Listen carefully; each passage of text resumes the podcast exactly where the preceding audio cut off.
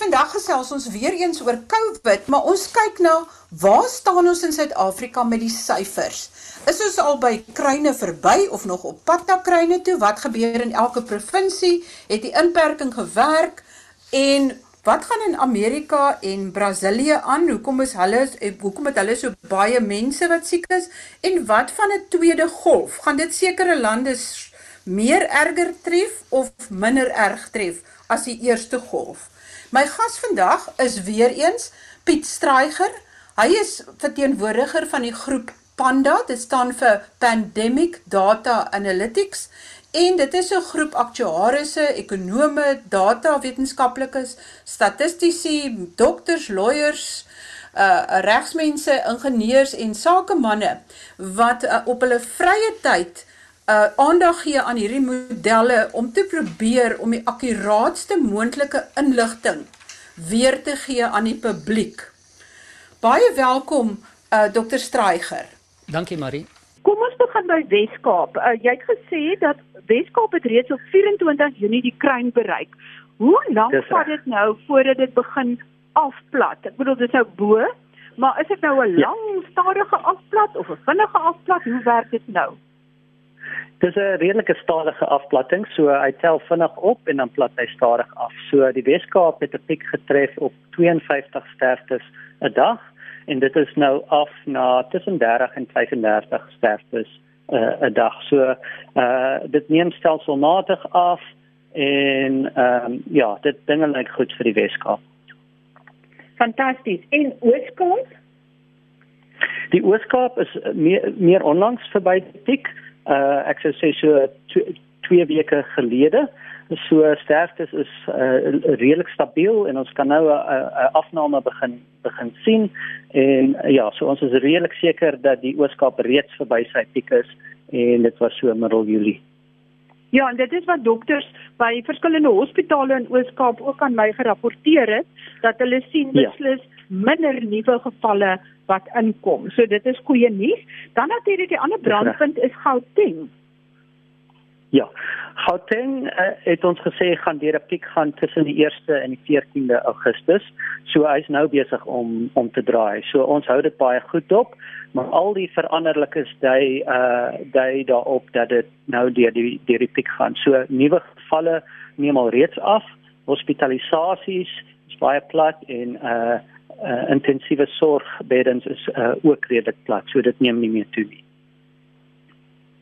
En dan die ander kleiner provinsies, Vrystaat, KwaZulu-Natal, Noord-Kaap, Mpumalanga, het julle enige inligting betreffende daardie ja. provinsies?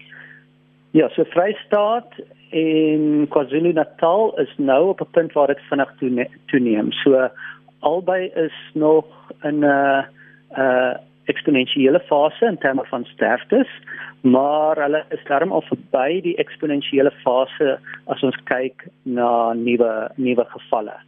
So uh, ek dink ook dit sal net uh, dit sal uh, dit sal pik hier na die einde van Augustus en dan die ander kleiner provinsies kan wel 'n bietjie later piek.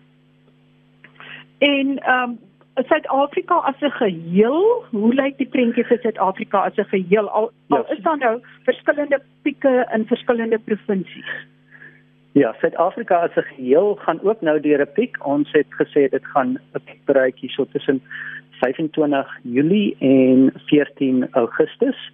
So dinge groei baie stadig en weer eens al die veranderlikes landwyd uh uh ondersteun daai gevolgtrekking. So ons het nuwe gevalle wat al vir meer as 2 weke afneem. Hospitalisasies is is is ook besig om af te neem en dan intensiewe sorgbeddens is ook besig om af te neem in Suid-Afrika as 'n geheel. En uh hoe vergelyk dit met julle voorstellings? Waar staan julle nou? Hoeveel dink julle teen sê maar die einde van die jaar, waar gaan ons staan met sterftes? In vergelyking met die heel oorspronklike voorstellings van die uh, epidemioloog wat die regering van raad voorsien het. Ja.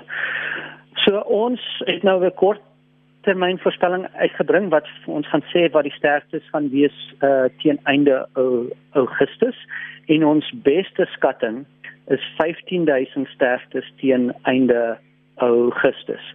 En ons het weer 'n uh, 'n band geskep met 'n hoër vlak en 'n laer vlak waarbinne uh, ons sekerheid het ons gaan gaan opeindig. Ehm um, en as ons nou terugkyk na die oorspronklike voors, voorspellings, die offisiële voorspellers het aanvanklike voorspelling gehad van tussen 80000 en 350000 sterftes en later het hulle dit afgebring na tussen 40 en 50000 sterftes. Binne Panda het ons begin met 'n voorspelling van tussen 10 en 20000 as ons kyk na ons 11 Mei verslag dan het ons die nommer 20000 genoem. Maar ek moet daarmee net noem dat in daardie verslag het ons nog steeds vir die uh, vir die doeleindes van die verslag het ons 'n uh, nommer van 88000 gebruik vir vir sterftes om dit dan te vergelyk met die met die effek van inperkings. Hoeveel lewensjare jy gaan verloor as gevolg van inperkings self. En as jy kan onthou, daai verslag het alreeds toegewys dat die die lewensjare wat ons gaan verloor as gevolg van inperkings is tot 30 keer meer op die langtermyn as dit wat ons gaan verloor as gevolg van COVID. En as jy praat van lewensjare verloor, is dit weens ander siektes of ekonomiese ja. oorsake? Is dit hoofsaaklik weens ander natuurlike oorsake of hoe werk julle dit uit? So hoe dit uitwerk is ons weet wat mense se lewensverwagting is uh in vergelyking met hoeveel geld hulle verdien of wat se ekonomiese vlak hulle is. So as mense dan uh op 'n laer ekonomiese vlak beland, dan dan kan ons met sekerheid sê hulle lewensverwagting gaan verminder. Ehm um, en en dit is die beginsel waarop daai berekeninge gebaseer is. Goed, dan wil ek ehm um, julle sekerlik in gesprek getree met die Nasionale Instituut vir Oordraagbare Siektes in Engels die NICD. Wat was hulle reaksie of het hulle glad nie gereageer op julle voorspellings nie want julle voorspellings is baie meer akkuraat as hulle se. Ja. So ons het van die begin af probeer kontak maak met hulle en ons ons was nie goed ontvang nie. Maar ons het uh aanhou probeer kontak maak en ek moet net uitwys die verskil tussen hulle model en ons model. So ons model is gebaseer op wat ander wat in ander lande gebeur wat reeds deur die epidemie is. En dan kyk ons na die Suid-Afrikaanse syfers en op 'n terugwerkende basis kyk ons dan na die syfers en dan doen ons 'n projeksie in die toekoms in. So die nadeel van ons model is dis net so goed soos die data wat ons het en daar is natuurlik 'n bietjie probleme met betroubaarheid van data in Suid-Afrika veral die laaste 2 weke. Maar die uh NICD se model is 'n model wat 'n oorsaaklike struktuur het. Dit probeer die virus verstaan. En ek dink dit is nogal uh veral met 'n nuwe virus is dit baie moeilik om dit so te modelleer. Hulle model uh, is afhanklik van 20 verskillende veranderlikes.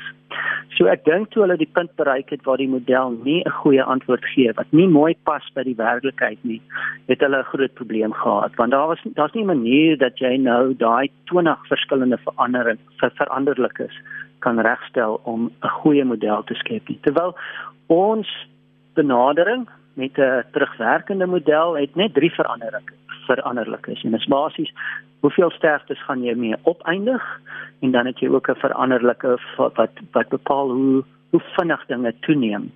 En dit maak dit makliker om die model te pas by wat werklik gebeur. En soos wat ons nou verder gaan deur hierdie epidemie, het ons al hoe meer data. So ons model word al hoe beter oor tyd. En en ek dink op hierdie stadium van die pandemie is ons tipe model 'n terugwerkende model met 'n Gompert kurwe of 'n DM model kurwe is 'n baie beter benadering en dit gee baie beter resultate. Tot wil die ehm um, staatskundiges glad nie na julle luister nie wat absoluut verstommend is. Maar ek kyk ook hier na julle jongste verslag waarin julle sê dat daar al hoe meer getuies is dat die inperking 'n algehele mislukking is in die geveg teen ja. COVID-19. Verduidelik net daar vir ons presies wat jy bedoel. Ons het baie mooi gekyk wêreldwyd en probeer bepaal of daar 'n uh, effek is as gevolg van inperking. So ons het gekyk na die mobiliteit in lande en dan gekyk na die kurwes, die COVID kurwes in verskillende lande. En ons kon nêrens 'n merkbare effek vind nie. En selfs as ons kyk na Suid-Afrika, wanneer ons beweeg het van vlak 5 na vlak 4 na vlak 3, dan kan ons glad nie 'n merkbare effek sien op ons pandemie se kurwe kurwes nie. Selfs die Weskaap byvoorbeeld het drasties afgeneem nadat die inperkings verslap is.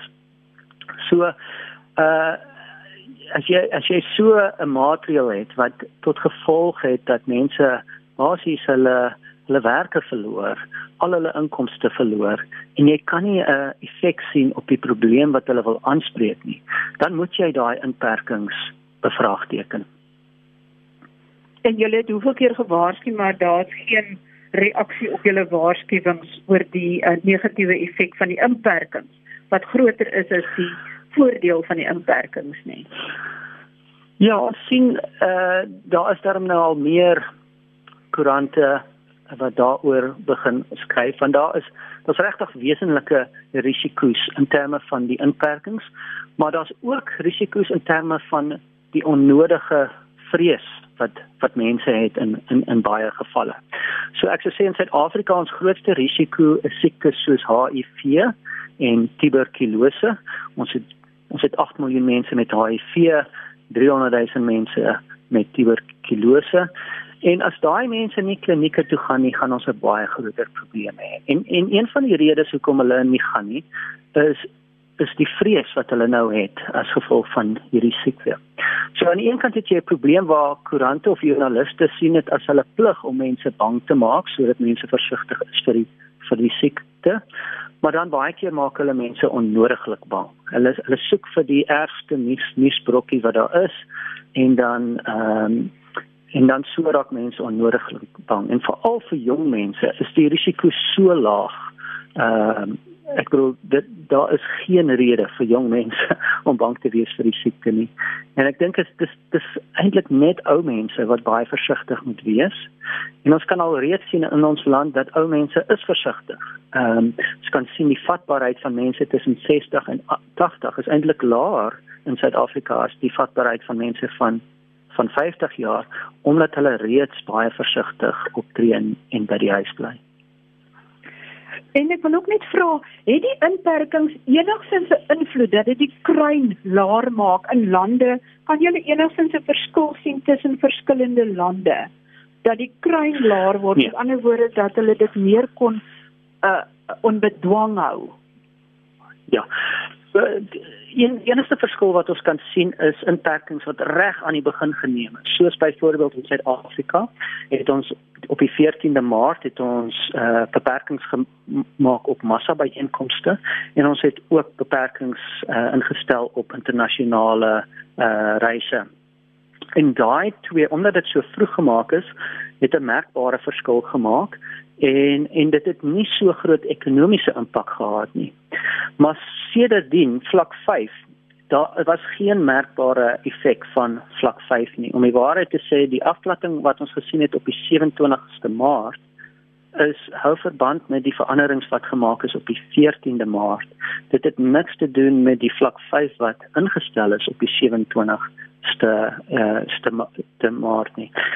Maar uit 'n ekonomiese oogpunt kan ons onmiddellik sien jou ekonomiese aktiwiteit gaan van kom ons sê 100% na 10% uh onmiddellik nadat vlak 5 ingestel is en toe dit van vlak, vlak 5 na vlak 4 verlig is, het die ekonomiese aktiwiteit opgestoot na 30%, 40% en en weer eens toe dit van 4 na 3 uh verslap het, het die ekonomiese aktiwiteit opgestoot na 60%. So jy sien die effek op die ekonomie onmiddellik en jy sien omtrent geen effek op die op die siekte nie.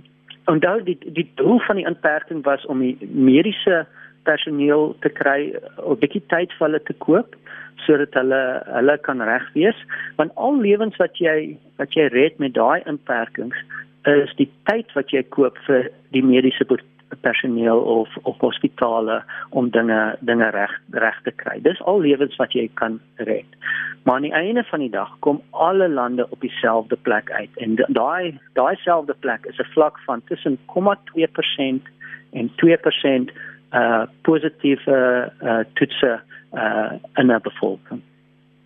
Ja, en dit kom julle het ook gepraat van 17%. Dit is van 17% van die mense wat getoets word wat wat positief is en dan draai dit by daai persentasie of moet mens eerder Ja, laat ek dit net regstel. Daai 17 die 17% waarvan ons gepraat het is uh die vatbaarheid. So dit is 'n uh, dit is 'n fout wat uh, baie epidemioloë gemaak het wêreldwyd. Hulle het aangeneem die vatbaarheid is 'n is 'n 100%. Almal kan die siekte kry. Uh in werklikheid as jy 'n vatbaarheid gebruik van 17% gee kry jy baie beter antwoorde wat pas by die realiteit van van hierdie epidemie.